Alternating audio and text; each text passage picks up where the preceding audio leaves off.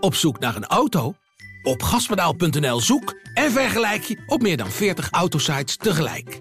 Je zoekt op de grote autoportalen en bij de autodealer om de hoek. Je hebt het grootste aanbod en maakt daarom de beste vergelijking. En zo mis je nooit meer een auto. Zoek en vergelijk op gaspedaal.nl.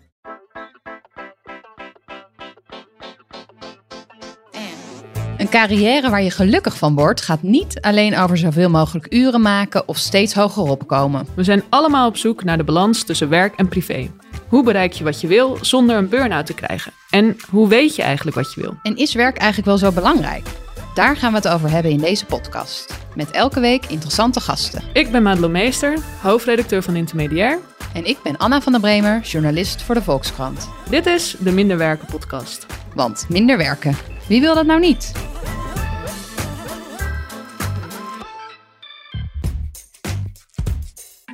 Nou, vandaag gaan we het hebben over uh, een ambitieloos leven. Dus of we niet eigenlijk uh, stiekem veel gelukkiger worden als we ons werk als gewoon een baantje zien. Zonder die eeuwige drang naar meer aanzien, meer geld, meer dromen die nog uh, waar worden, moeten worden gemaakt.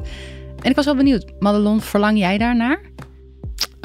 Um, ja, eigenlijk uh, enerzijds wel. Ik ben wel iemand die mezelf erg kan vergelijken met anderen. En uh, het idee kan hebben dat anderen uh, succesvoller zijn dan ik. Dus het lijkt me wel bevrijdend om daar wat minder mee bezig te zijn. Ja. Hoe is dat voor jou? Nou, ik had eigenlijk gedacht, ik ben nu 36 jaar. Ik had gedacht tegen deze tijd, nu ik die leeftijd heb bereikt, dat ik wat meer rust zou hebben. Um, maar dat is eigenlijk helemaal niet waar. Ik wil nog steeds meer artikelen schrijven, meer boeken schrijven die ook goed verkopen. Dus, maar heel vaak ervaar ik dat niet echt als een last, omdat ik het gewoon heel leuk vind om hard te werken. Maar ik kan ook wel verlangen naar wat meer rust en gewoon wat minder haast. Nou, we gaan het in deze aflevering hierover hebben met twee hele leuke gasten. Uh, we hebben Marianne Donner te gast. Ze is schrijver en columnist en ze schreef het uh, zelfverwoestingsboek. Hierin pleit je eigenlijk voor meer rommeligheid en ook minder carrière-drang. En we hebben neurowetenschapper en publicist, psycholoog Jeroen van Baar. En hij schreef De Prestatiegeneratie. En daarin heb je het eigenlijk vooral over millennials en hun eeuwige drang om te presteren. Dus welkom. Dankjewel. Heel leuk dat jullie er zijn. Ja. ja. En om te beginnen, uh, bedoel, jullie plaatsen alle twee wel kanttekeningen bij het hebben van torenhoge ambities. Um, zijn jullie zelf eigenlijk ambitieus? Jullie hebben natuurlijk altijd een boek geschreven. Je bent nu hier om erover te praten. Ja, nou, ik ga meteen een aantekening maken. Want ik denk dus, daar gaat mijn boek ook heel erg over, dat die ambities um, niet per se intrinsiek zijn van mensen, maar ook heel erg opgelegd worden door de cultuur waarin we leven. En door het schoolsysteem. En dat je ook heel erg opgejaagd wordt. Um, en dat uh, ambitie. Um, ja, je hebt natuurlijk, je, je kan heel ambitieus zijn om je eigen dromen te verwezenlijken. Of je kan heel ambitieus zijn om die maatschappelijke ladder op te klimmen. En dat kan ook nogal verschillen. Maar ja, dus zelf, ik ben, ja, nee, ja, ambitieus voor mezelf. Dat ik heel graag veel wil lezen, veel wil, of nee, niet veel schrijven. Nee, dat, dat niet, want ik moet ook heel veel luieren. Maar wel goede dingen wil ik schrijven. Dus daar ligt de lat wel hoog bij in wat ik schrijf. Maar ik wil absoluut niet te veel schrijven. Je wil goed werk leveren, dat is het eigenlijk Dat meer. is het, ja. ja, ja. Okay. En hoe is dat voor jou, uh, Jeroen? Ja, ik herken heel veel wat, van wat Marianne zegt. Ik uh, wil ook zeker zo terugkomen op het verschil tussen intrinsieke en extrinsieke motivatie. Dat is heel belangrijk, denk ik.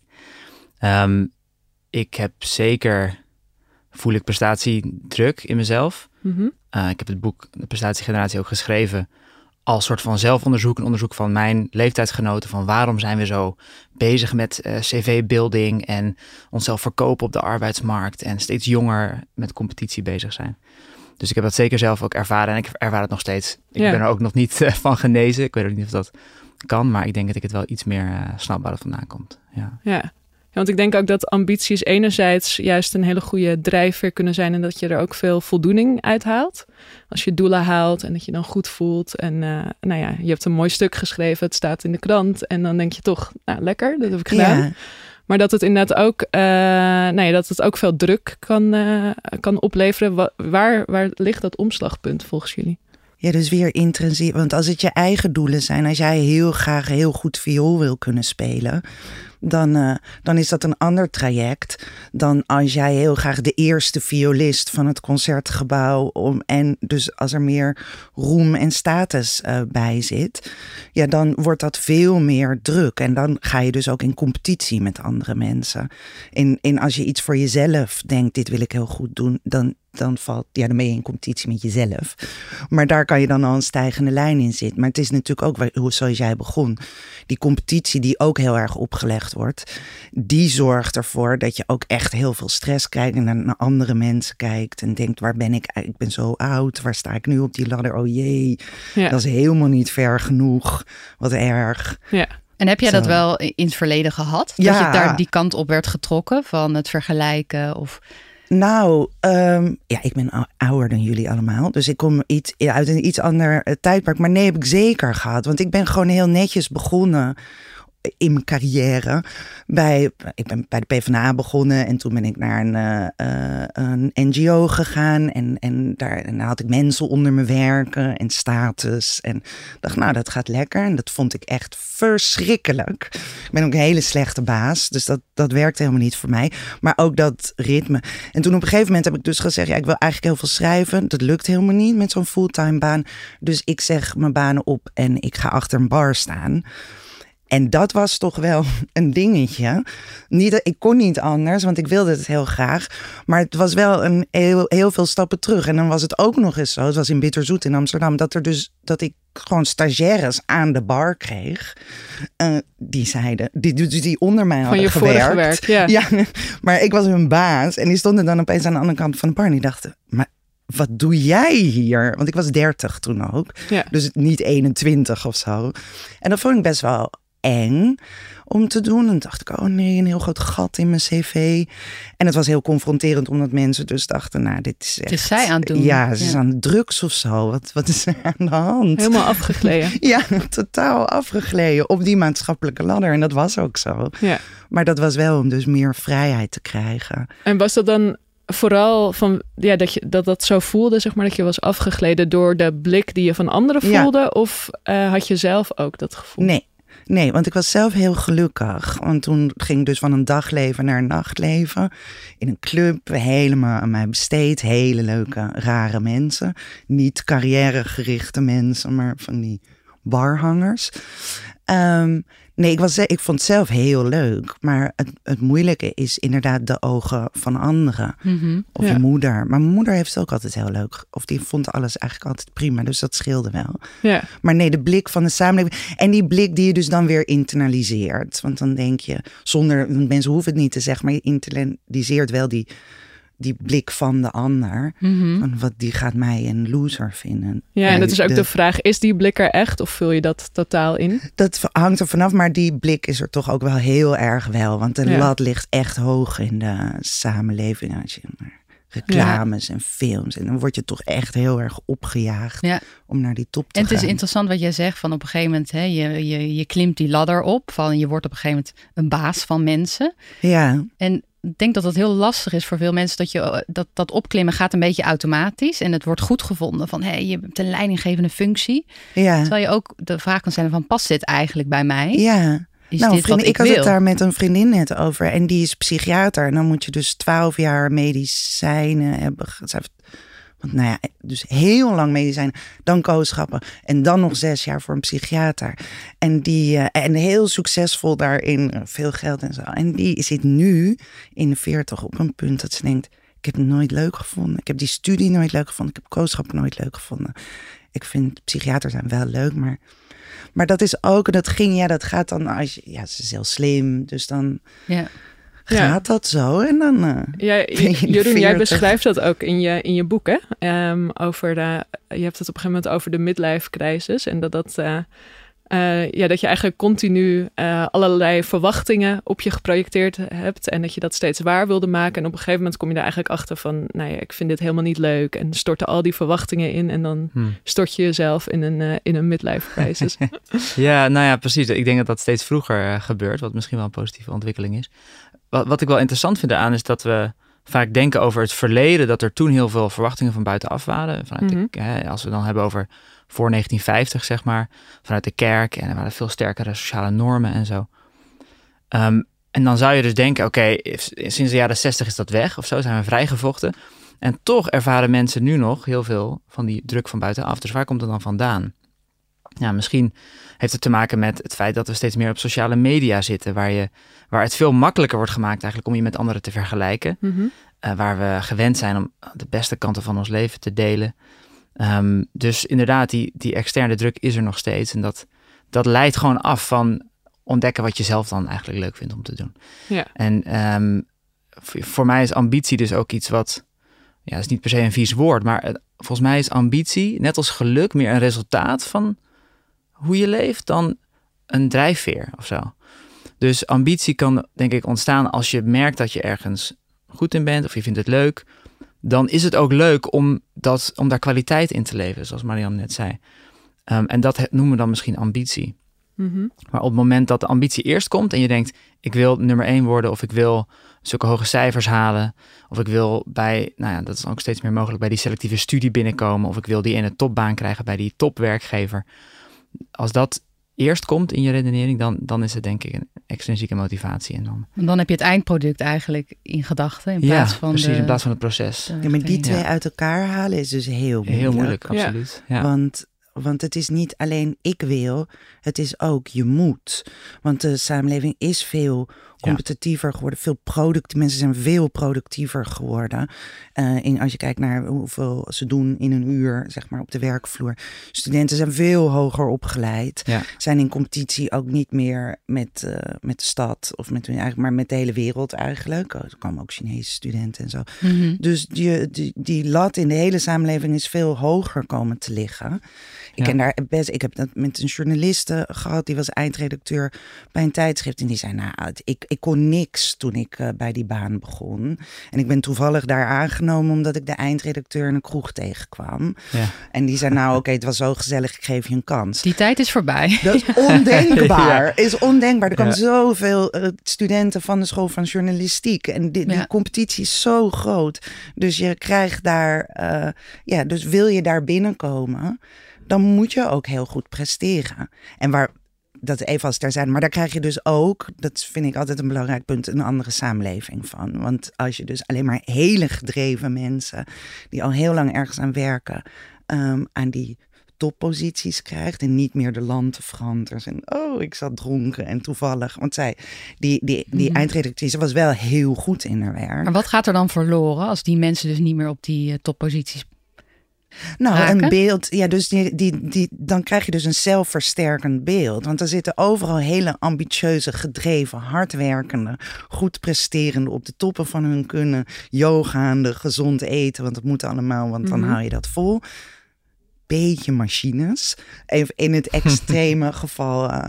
En dat is een, een bepaald type mensen. De, en dus de, de, de, de, de wat meer rommelige, vage, artistieke, associatieve, ehm, niet voor de winst of de profit gaande mensen, die, die verdwijnen of die zitten in een lagere Hm. echelonen. Daar is nog wel één ding wat verloren gaat trouwens. Hiernaast is dat we vanuit psychologisch onderzoek ook weten dat ehm, hoe meer nadruk je legt op extrinsieke motivatie, zoals beloning bijvoorbeeld, hoe minder intrinsieke motivatie mensen ervaren. Dat noemen ze dan het, over-justification effect. Er- Je hebt eigenlijk, als je iets al leuk vindt en je wordt ervoor beloond, dan heb je eigenlijk meer motivatie dan je nodig zou hebben. En dan kan het zijn dat die intrinsieke motivatie die je had, verloren gaat. En als dan de beloning wegvalt, hou je eigenlijk niks meer over. Eh, dus dat betekent denk ik dat, dat hoe meer competitie er is en hoe meer competitie je, je mee moet doen, hoe moeilijker ook het ook wordt om, om in contact te blijven met waarom je iets leuk vindt of belangrijk vindt. Ja, en Ja. dan, als je dat even doorredeneert, zeg maar, eh, dan kan je best een situatie krijgen waar op topposities inderdaad keuzes meer en meer worden gemaakt om het gewin en minder om het belang van het werk wat je doet. Ja, nou, dat lijkt me het lastige daaraan. Eh, je kan natuurlijk als individu inderdaad besluiten van, nou ja, ik, ik ehm, eh, wil ambitieloos leven of daar minder mee bezig zijn met wat, met wat anderen van me vinden en ehm, me minder continu bewijzen. En tegelijkertijd is er wel een werkgever die juist van je verlangt dat je dat doet. Dus zodra je ergens solliciteert, moet je een competentietest eh, doen. Dan wordt er gekeken naar wat voor kwaliteiten je hebt. Nou ja, als je vervolgens overal middelmatig op scoort, dan is de kans klein dat je eh, een, die baan krijgt die je, die je graag wil. Of uh, nou ja, waar je op solliciteert omdat je het geld nodig hebt, bijvoorbeeld. Hoe ga je daarmee om? Dat, dat vind ik een lastige. Ja. Ja, ik denk ook, ik moet even nog, want ik zit te denken van, ja, we hebben het nu de hele tijd over leuk, doen wat je leuk vindt. Maar dat is natuurlijk ook eigenlijk een hele erg opjagende kracht. Want ja. zo van, je werk moet je passie zijn en dan, en dan geef je er wel alles voor. Maar dat hoeft natuurlijk ook niet. En heel vaak is werk gewoon helemaal niet leuk. Heel veel mensen vinden hun werk niet leuk. En, en dan is het nog erger als er wordt gezegd, ja, dat moet je passie zijn of je hele leven. Terwijl, dus bij ambitieloos wordt ook om iets gewoon te beschouwen als gewoon een baantje. Ja, een manier om geld te verdienen. Ja, en dat geld heb ik nodig. En dat is dus ook weer zo'n loop, omdat huisprijzen zo duur zijn. Het is zo duur geworden om in de stad in ieder geval te kunnen leven. Dat met een heel laag baantje kom je daar niet, dan, dan lukt je dat niet. Dus dat is ook weer zo'n uh, manier waarop alles zichzelf in stand houdt. Maar, maar om in te gaan op je vraag, hoe ga je daarmee om? Denk ik van ja. Maar ik geloof dus niet zo heel erg dat mensen zichzelf zomaar kunnen veranderen. Oh, als ik nee. maar anders denk, dan sta ik er heel anders in. Maar gewoon in het algemeen gezegd, denk ik wel dat je dus kunt zeggen van ja om gewoon je baan als gewoon een baan te beschouwen. En het moet. En tussen negen en vijf en daarna ben ik woe, lekker vrij. En dan ga ik de alle leuke dingen doen. En mijn werk is niet mijn leven. Ja. Dat is ja. natuurlijk voor steeds meer mensen wel zo. Ja. Maar dat is zo, we hadden het uh, ook tijdens de research voor deze podcast, hadden Ja. Malon en ik dat over. We zijn hier als een nou, jonkies twee bij de Volkskrant uh, binnengekomen. En ehm, daar ontstond toen zo, omdat je dan als jongen, je komt met een groep jongeren binnen. Er zijn maar zoveel banen, vaste contracten uiteindelijk te vergeven. Dat er zo'n competitie ontstaat, eigenlijk, waar je gewoon aan mee moet doen. En dat je inderdaad in het archief dus gaat tellen Ja. hoeveel anderen uh, al die week hebben gepubliceerd. Dus Ja, dan gaat ja. heel erg die externe. Hmm. Het gaat om hele rare dingen. En helemaal niet meer Ja, van ja. ik vind het leuk om een heel woorden? goed stuk te schrijven. Het is, Hoeveel woorden je ehm, hebt getypt, ja. maar je Ja, krijgt ook. Je eens- relaxed binnen, maar je wordt vrij snel heel relaxed. Ja, Ja. Ja. Nou, dat, het, het is een soort van, eh, je kan het vergelijken met een kernoorlog, waar zeg maar, je kan niet als eerste partij al je wapens wegdoen. Ja, dan is het ongelijk. Dus je moet, wat, wat dan de oplossing is, is een soort van pact. Hè? Dat je tussen alle landen afspreekt, we gaan nu onze wapens weghalen. Mhm. Ja. Ja, maar- Zoiets, zoiets heb je ook nodig voor de maatschappij. Ja, maar dan, want, want, want het, dit gebeurt dus al echt vanaf de kleuterschool bijna. Wordt die competitie, eh, drift en vergelijking vooral, wordt daar al gestimuleerd. Als, eh, als kinderen krijgen dus heel veel CITO-toetsen, je krijgt cijfer en dan weet je wat de klas ook eh, voor cijfers heeft gekregen. En je kan in een systeem kijken wat het school of het landelijk gemiddelde is. Dus zo wordt je. En, en als het kan, Ja. dat is altijd het probleem.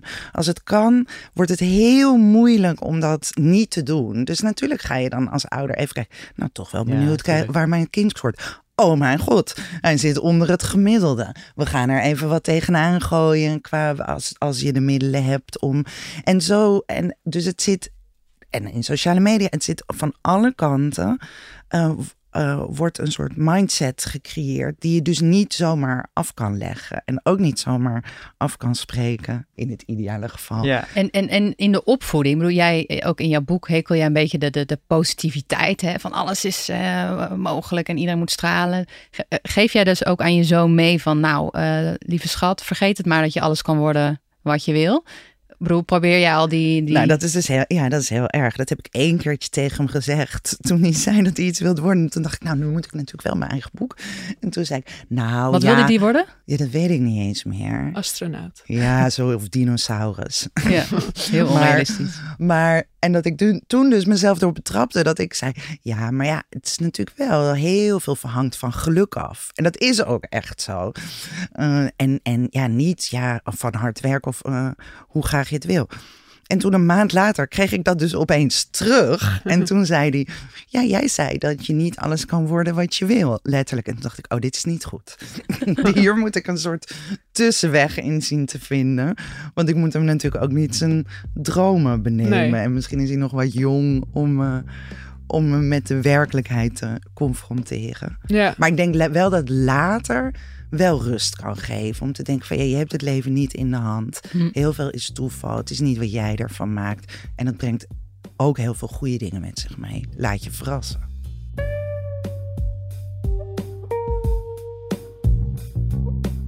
Elke aflevering vragen we een interessant persoon naar zijn of haar ideale werktip. En deze keer bellen we met stand-up comedian en cabaretier Marijn Scholten.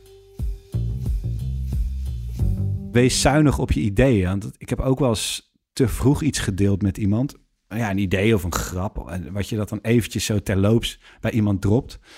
Als iemand dan niet heel enthousiast reageert, en dat gebeurt vaak genoeg. En uh, dan ben je ineens, dan was ik ineens totaal onzeker geworden over dat idee. Terwijl dat diegene niet enthousiast is. Het kan daadwerkelijk een slecht idee zijn, maar het kan ook zijn dat je het niet helder vertelt. Of dat die persoon gewoon slecht heeft geslapen of weet ik veel wat. Terwijl ik daarna dan inderdaad zo'n idee weggooi. Dus je geeft je eigenlijk veel te veel. Je hecht dan veel te veel waarde aan een willekeurig oordeel op een willekeurig moment. Dus zuinig zijn op je ideeën, ideeën en ze eigenlijk beschermen totdat je ze een soort met, met vertrouwen naar buiten kan brengen. Dat is ook echt wel iets wat ik heb geleerd.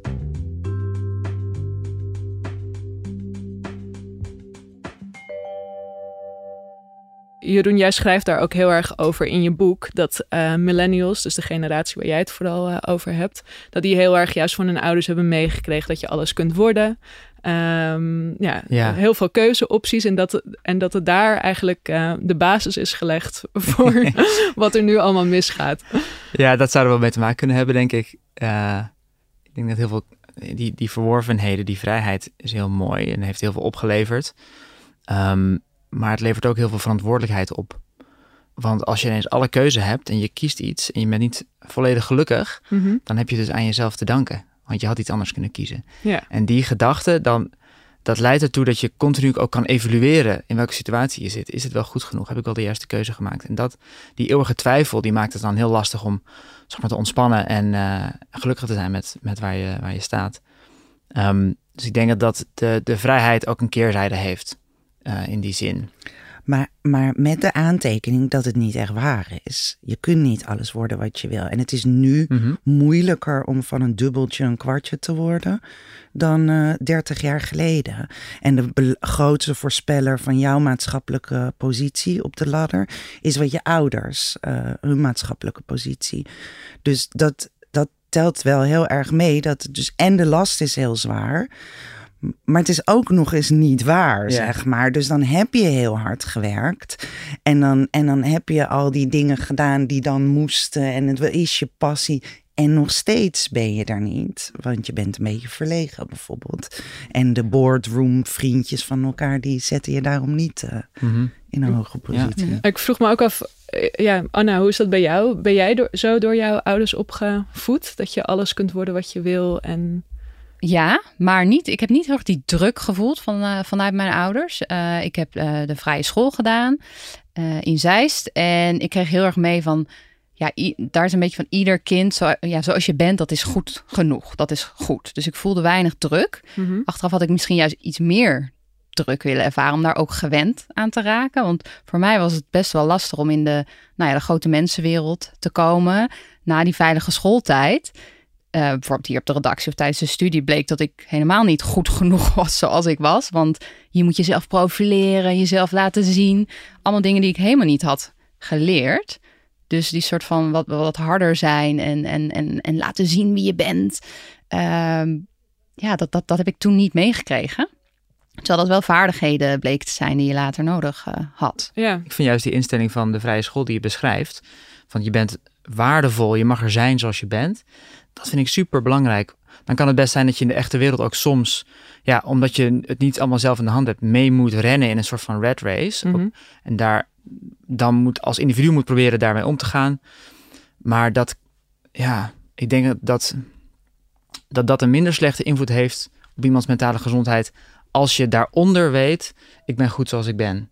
Dus dat is wel heel belangrijk, denk ik, om aan, aan kinderen mee te geven. Ja, Ja, en en dus ook je van- waarde hangt niet af van wat je produceert of presteert. Ja. Dat moet echt losgekoppeld zijn van elkaar. maar ik heb wel het idee van je moet, in ieder geval zo probeer ik mijn kinderen op te voeden, wel ze een beetje voor te bereiden, toch wel op de, op de echte wereld. Ja. In ieder geval Hmm. bepaalde vaardigheden mee te geven. Dat ze zich staande kunnen houden. En eh, ja, maar je hebt ook heel Ja, veel ouders die nou, hun kind dat- willen opvoeden zoals de Dat snap ik wel heel goed. ja, voorbereiden op de wereld hoe die eigenlijk zou moeten zijn ja, volgens hen. exact. Ja, Dat dat is is wel het. moeilijk, want je houdt daarmee ook weer iets In stand. Maar ja, het staat of valt ook echt, ja, of vind ik niet bij opvoeding. Die ouders zijn ook weer product van die wereld waarin we leven. Die, eh, weet je, van die hele fanatieke ouders die hun kinderen gaan eh, bijspijkeren en met extra cursussen en zo. Dat doen, dat doen ze echt niet omdat zij dat heel belangrijk vinden. Dat doen ze omdat ze weten hoe die wereld werkt. Mhm. Dus Ja. dat is toch wel Ja. weer heel erg een eh, Ja. wisselwerking. Nou ja, we hebben nu eh, heel, heel veel over de oorzaken gehad, hè, van die, die, die prestatiedruk die we allemaal voelen. Ehm, maar ja, we willen natuurlijk heel graag ook hebben over hoe je dat nou, hoe je het roer kan omgooien. Hoe je nou dat ambitieloze, misschien wat luiere, relaxte leven eh, kan leiden. Van wat moet je dan doen? Wat moet je achter je laten? Ehm, ik ben wel benieuwd, Malon, heb jij iemand in je omgeving waar je misschien stiekem een beetje jaloers naar kijkt, die dit eigenlijk al heel erg goed doet? Nou, niet zozeer in mijn omgeving, eh, denk ik. Ja, kan, ik zo 1, 2, 3 niet opkomen in ieder geval. Maar wel, ik heb een keer iemand geïnterviewd die eh, eh, een ambitieloos leven leidde, vertelde hij zelf. En dat vond ik toch wel heel jaloersmakend eh, klinken. Dus hij had ooit een hele drukke baan en nou ja, is toen een stap terug gaan doen. Zag zijn werk inderdaad echt als werk, als baantje. En had daardoor tijd om al die dingen te doen die hij graag wilde doen. En daar veel, eh, veel aandacht ook in te stoppen. Dus als hij ging koken, dan was het niet even snel tussendoor. Maar dan kocht hij heel uitgebreid eh, bij drie verschillende winkels boodschappen. En dan ging hij uren in de keuken staan. Ehm, en dat vond ik toen wel heel inspirerend eh, klinken, ja. Heb jij zo iemand in je omgeving? Ik ken wel mensen die eh, in die zin eh, een rustiger leven hebben of geen carrière. Maar dan, dan zit er eigenlijk wel een soort van onvrede van heel veel plannen. Maar dat ze het dan gewoon niet uitvoeren. Ja. En ik merk zelf dat ik dus wel be- echt wel beïnvloed word door die soort van optimalisatie maatschappij. Dat dat in mijn denken is doorgecijpeld. Dat ik toch meer bewondering heb voor mensen die keihard eh, hun doelen nastreven en veel bereiken. Dan voor mensen die dus heel veel plannen hebben, maar het allemaal niet doen. Maar de categorie die daar nog weer bij hoort van eh, een rustig leven en helemaal vrede mee hebben. Ja. Ja. daar, dat- daar kan ik wel met jaloers. Ja, dat Ja. lijkt me heerlijk. Dat kan ik wel echt ook met ik heb dus echt geen bewondering voor mensen die heel hard werken en voor hun doelen en daar alles voor opgeven. Nee, ik, weet, ik ben zelf altijd heel verbaasd over topsport turners of zo vooral. Is voetbal oké, als dat het een spelletje is, dan snap ik. Maar dat, dat, dat perfectioneren van dan dus je lichaam en dan kan je iets heel goed. En, maar er gaat zoveel tijd in zitten. Je geeft er zoveel voor op. En ik snap wel dat mensen dat fijn vinden. eh, om, en, en dat dat heel iets kan zijn. Maar ik kan me daar zelf dus niet zoveel bij voorstellen. En dan denk ik dus altijd eh, voor mezelf. Maar daarom, ik ben er dus niet jaloers op. En ik bewonder het ook niet per se. Omdat er dus heel, heel veel voor opgegeven wordt. Je hebt eerder Maar- medelijden met dat soort mensen. Beetje. Be nee, echt. Ja. Dat is een goed voorbeeld van hoe ambitie misschien het best werkt als het voortvloeit uit, zeg maar, ja, er is niet echt een goed woord voor, maar eh, ja, bloeien of zo in je leven. In de humanistische psychologie hebben ze daarover. Als je, ehm, nou ja, hè, je, je eigenwaarde zit goed, want je hebt op de vrije school gezeten en je hebt een gezonde relatie met mensen en je hebt niet te veel druk van buitenaf. Dan in zo'n soort van omgeving kan je de ruimte krijgen om te groeien als mens. En dan ga je misschien iets ontwikkelen waar je dan goed in wordt. We hebben heel veel tijd in ons leven. En als je, als je het leuk vindt om kombucha te maken, kan je daar in 20 jaar misschien wel heel veel lol in hebben en motivatie in voelen. En dat noemen we dan misschien ambitie. Ja, ik, ik, eh, dat is misschien een ander soort ambitie dan hoe we het net beschrijven. Maar dat is denk ik wel hartstikke mooi. Een hele mooie kant van het leven ook. Ja.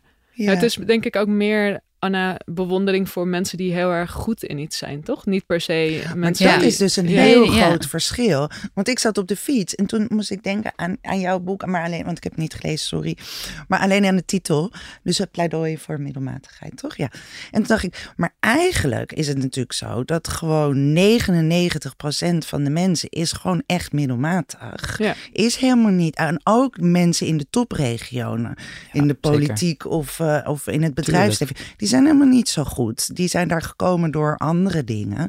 En heel veel goede mensen, of die het wel zouden kunnen, Ja. die, en dat zie je ook bij schrijvers en zo, dat je denkt, nou, Ja. is dat er Ja, boeken en, moeten. en het, het nadeel is dat door de cultuur, zelfs al ben je goed in iets, dan is het nog heel lastig om daar tevreden mee te zijn. Omdat je dan op een ander punt van je leven niet goed bent. En, Ja. da- en daar wordt Ja. afgewezen. Dus, Maar dus mijn, mijn stelling is, pas als het oké kan zijn om middelmatig te zijn, om gewoon normaal doorsnee te zijn, dan kan je ook zeg maar genieten van de dingen die misschien wel goed gaan. Maar is dat iets wat je kunt ja. leren? Of, of die tevredenheid met middelmatigheid, zit dat in je? Of, of ja, kun je dat Hoe doe je dat? ook aanleren? Want dat, dat lijkt me heel ingewikkeld. dat zit niet in je ingebakken, denk ik. Nee, dat is echt wel Maar hoe doe jij dat bijvoorbeeld? Hoe omarm jij je middelmatigheid? Nou ja, eh, ik probeer ehm, soms Doe je dat wel? Ja, Of vind jij jezelf exceptioneel goed? ik probeer het te doen door mezelf te betrappen op gedachten.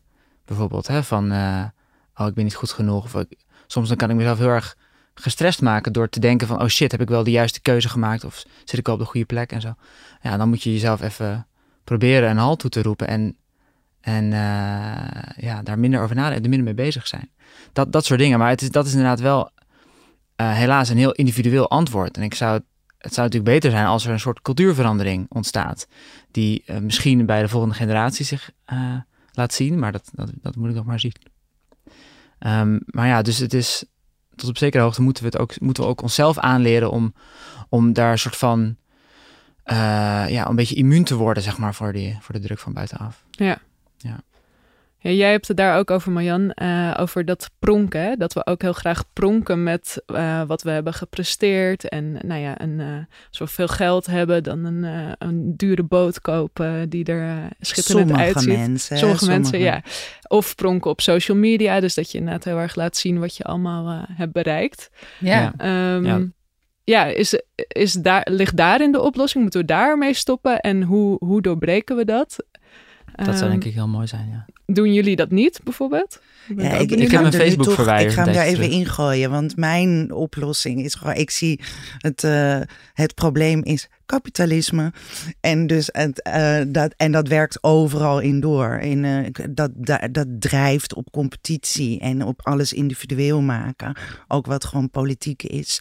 Dus dat, eh, eh, dat, daar vloeit zoveel uit voort. En eh, eh, creëer, maak een, maak een begin met een eh, ander eh, sociaal-economisch systeem. En dan eh, verander daar, niet dat dat makkelijk Want je moet is. klein beginnen. hè?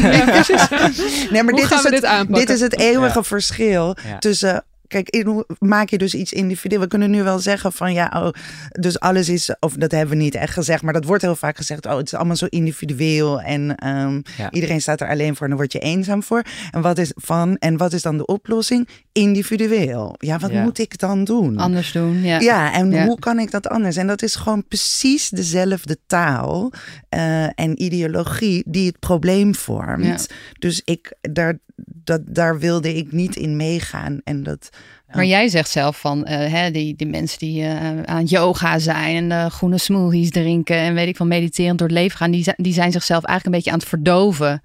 En die gaan dus mee op die manier in die red race in plaats van ehm, nou ja, echt te kijken wat, wat, wat is er nou eigenlijk in de wereld aan de hand. nou, dat weet ik niet zeker. Of zeg ik dat? Nee, want Nou, ik je hebt zou ooit een stuk in de verdoven. Volkskrant geschreven Ja, van, eh, ja. weet je wel, over eh, Ja, dat Nou was ja, de ode dat- aan de loser. Maar niet per se verdoven. Misschien ook wel hoor. Maar, maar ik zou dus eerder zeggen. ehm, kijk, om, om dat vol te houden, die red, red race en die, eh, die druk, moet je gewoon fit zijn. Moet je, want als je, als je veel te dik en, eh, en rokend en drinken, ja, dan, dan lukt het je niet om eh, 18-urige werkdagen, bij wijze van spreken. Dus door yoga en meditatie en zo kun je het langer volhouden. Ehm, dus dat denk Ja. ik meer. Ik weet dus niet zeker of het... Nou, daar, daar, daar ben ik het deels mee eens hoor. Het, het is geen, denk ik geen eenduidig antwoord. Mindfulness bijvoorbeeld, ja, dat wordt soms ingezet als wat ze dan noemen Mac Mindfulness. Ja. Eh, geef al je medewerkers een mindfulness cursus, dan kan je ze nog meer onder druk zetten. Het meerennen in de red race, dat Mhm. wordt denk ik deels gedreven door het feit dat je soms overvallen wordt door een gevoel. Millennials dan, mensen in mijn omgeving. Van, eh, ik ben niet goed genoeg, Mhm. ik moet meer presteren. En dat soort gedachten, die, ja, dat, die zijn niet per se waarheid als je die ervaart. Dus het kan ook, het kan best wel helpen, denk ik, als je er goed in wordt om je, je gedachten een beetje te onderzoeken en dan niet je laten laten opjagen door je eigen gedachten. En dat is iets wat mindfulness ook kan brengen voor mensen. Dus ja, ja, het is, het is niet alleen maar goed of fout. Ja. Nee, dat is ook zo hoor. Dat ben ik, ik vind zelf yoga ook echt heel geweldig. Jij zegt ehm, in je boek ook van we moeten meer drinken, stinken, branden en dansen. Dat eh, vind ik heel eh, verleidelijk klinken. En nou ja, dus dat pleidooi voor dat rommeligere leven. Ehm, en nou, ik ben daar zelf ook best goed in, uh, kan ik zeggen. en tegelijkertijd heb ik ook juist die, die ambitie heel erg. Dus dat ik van alles wil bereiken. Um, en dat vind ik een lastige combinatie. Dus heel vaak dan, ja, dan uh, heb ik een, een, wilde nacht gehad, zeg maar. En daarna voel ik me heel schuldig. Ik vroeg me af hoe dat, hoe dat bij jou is. Uh, hoe jij daarin een balans vindt. Of ja. dat dat gewoon moeiteloos naast elkaar bestaat. Nou, dit is dus denk ik, dit is echt een soort crux. Of heel belangrijk, dat schuldgevoel. Dat als je dus, als je je wel laat gaan. Of je niet je to-do-lijst doet. Of uh, dat je je dan zo schuldig voelt. Omdat je jezelf eigenlijk iets ontneemt ook die potentie van groei. En je hebt niet in jezelf geïnvesteerd. En dat is echt zo'n uh, funeste emotie, schuldgevoel en schaamte ook. Van, van, uh, dus dat je het aan jezelf te wijten hebt, dat je nog steeds niet daar bent. En daar is best wel veel psychologisch onderzoek. Dat is echt heel, uh, dat gaat aan jezelf eten, vreten. En, en, en dat bedacht ik pas naderhand. Maar ik dacht, ja, als ik iets met mijn boek wil, want het, het is dus niet een zelfhulpboek. En ik wil niet tegen mensen zeggen, nou je moet gewoon dit doen. Het, de bedoeling was om te laten zien, kijk, zo werkt het systeem, cultuur waarin we leven. Dit zou het ondermijnen. Stinken, drinken, bloeden, branden, dansen. Maar als ik iets van een schuldgevoel weg kan nemen. Door dit, dus dat je als je met die kater zit en je blijft de hele dag op de bank liggen. Dat je dan even aan mijn boek denkt en denkt: het is oké. Dan ben ik echt heel blij. Want dat is, al, dat is al winst. Dat je niet dus jezelf steeds de schuld geeft van alles. Want dat, dat was de hele inzet van mijn boek. Het is niet jouw schuld. We leven echt in een hele ja, zieke wereld. En die ontlading hebben we nodig. Ja, is goed. Ja, daar, daar gaat het hoofdstuk dan drinken over. Van niet dat het iets oplevert, maar het is dus ook die. Het, uh, want dat, dan trap ik in het gevaar van ga maar drinken, want dat is ook goed voor iets anders. En ik wil dus juist niet vanuit het idee wat is goed of optimaliserend. Maar het is een andere manier van zijn. Als je dus in, als je zo, en dat weet iedereen, op het moment dat je gaat drinken, denk je niet meer aan morgen. Daarom heb je ook die kater, omdat je toch te lang door bent gegaan. Um, en dat is gewoon, dat is, dat is dus, je investeert nu, want we zijn voortdurend bezig met investeren in onszelf en in de toekomst. En als je drinkt, gebeurt dat niet. En de volgende dag weet je er niks meer van. Dus je hebt er niks aan. Maar het is die balans. Het is, het is, super zen wat dat betreft. Je bent helemaal in het nu. en dat, dat is wat ik net over wat ja. ik zeggen. Het, het, het probleem met die extrinsieke motivatie is dat je altijd bezig bent met het volgende moment. Je bent nu aan het werk voor iets wat later komt. En daardoor ben je nooit echt waar je nu bent. Dat is ook met social media. Je kijkt door een schermpje naar een wereld die ergens anders ligt. Dus als we er meer in slagen om, om ja, in het nu te zijn of uh, te genieten waar we zijn. Dat kan misschien met drinken en, ja. en, en ja. andere manieren. Zonder misschien dat het ook direct allemaal iets oplevert. Zonder iets oplevert, dan, ja, dan zijn we al een heel end. Dat is misschien uh, ja, goed, mooie afsluiter. Ja.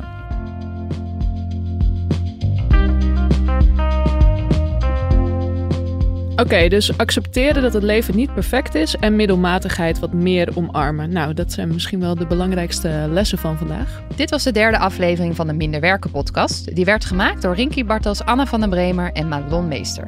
Heb je met plezier geluisterd? Zeg het dan voort en vergeet ook niet een recensie achter te laten in je podcast-app, want zo worden we namelijk beter vindbaar. In de volgende aflevering gaan we het hebben over hoe je een passief inkomen genereert. Dus niet alleen geld verdienen wanneer je werkt, het oude uurtje factuurtje, maar ook als je niet werkt. Nou, ik vind dat persoonlijk heel goed uh, klinken. Anna, heb jij hier ervaring mee? Totaal niet, dus ik ben heel benieuwd wat we gaan leren.